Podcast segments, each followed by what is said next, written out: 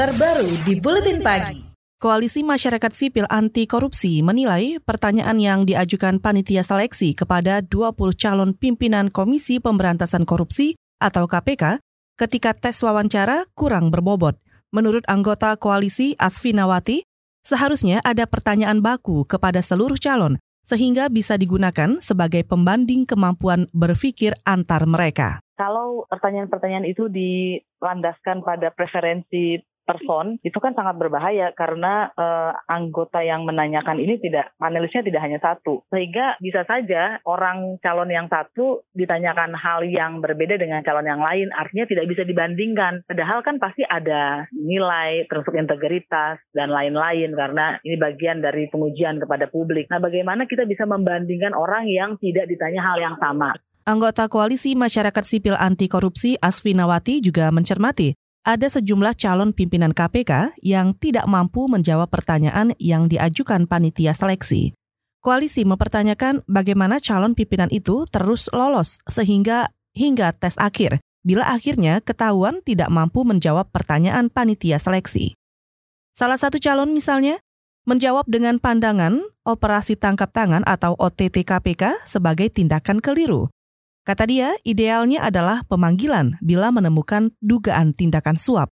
Ketika pemanggilan, pelaku harus membuat pernyataan bahwa ia mengakui akan melakukan perbuatan penyuapan dan berjanji agar tidak mengulangi perbuatannya. Bekas Ketua KPK Abraham Samad menyatakan pertanyaan yang diajukan panitia seleksi kepada 20 calon pimpinan saat tes wawancara seharusnya bisa lebih tajam.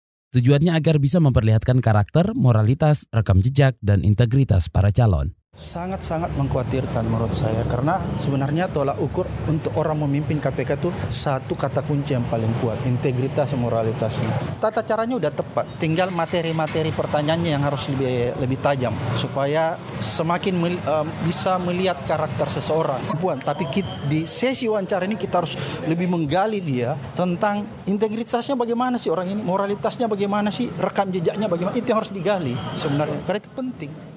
Bekas Ketua KPK Abraham Samad menyarankan proses seleksi calon pimpinan KPK sebaiknya dihentikan saja kalau masih meloloskan calon pimpinan bermasalah. Misalnya kurang keat etik, pernah mengancam atau menghalangi penegakan hukum dan patuh mengirim LHKPN.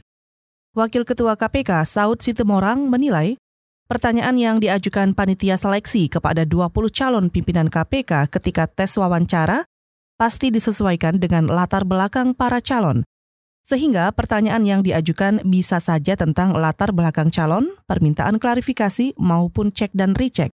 Artinya, pertanyaan yang diajukan kepada setiap calon tidak akan selalu sama. Saya nggak nggak melihat secara detail apa apa mereka tanyakan, tapi sebenarnya pengalaman dari yang saya alami kemarin itu kan itu kan macam-macam, bisa cross check, bisa double check, bisa melihat pikir-pikiran dia seperti apa. Jadi itu saya pikir menjadi menjadi apa?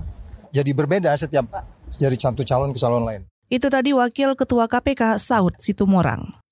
Menjawab tuduhan sejumlah pihak yang mengkritik pertanyaan yang diajukan panitia seleksi kepada 20 calon pimpinan KPK saat tes wawancara, anggota panitia seleksi Diani Sadiawati mengatakan seluruh pertanyaan dibuat sesuai dengan bidang yang dikuasai oleh masing-masing anggota panitia seleksi. Selain itu kata Diani, panitia seleksi juga berbagi tugas, ada yang mengajukan pertanyaan inti dan ada juga yang bertugas mendalami jawaban. Masing-masing sudah mendapat penugasan tuh penanya inti dia harus mengeksplor dari semua masukan-masukan dari delapan instansi itu dan dia akan bertanya gitu. Memang kan masing-masing orang kan berbeda-beda, lalu yang lain-lain itu mempertajam. Jadi kalau mau pertanyaannya kesannya kayaknya berbeda-beda, ya mungkin besok kita akan coba deh hampir sama misalnya. Anggota panitia seleksi calon pimpinan KPK Diani Sadiawati sebelumnya koalisi kawal calon pimpinan KPK mengkritisi pertanyaan yang diajukan panitia seleksi saat tes wawancara.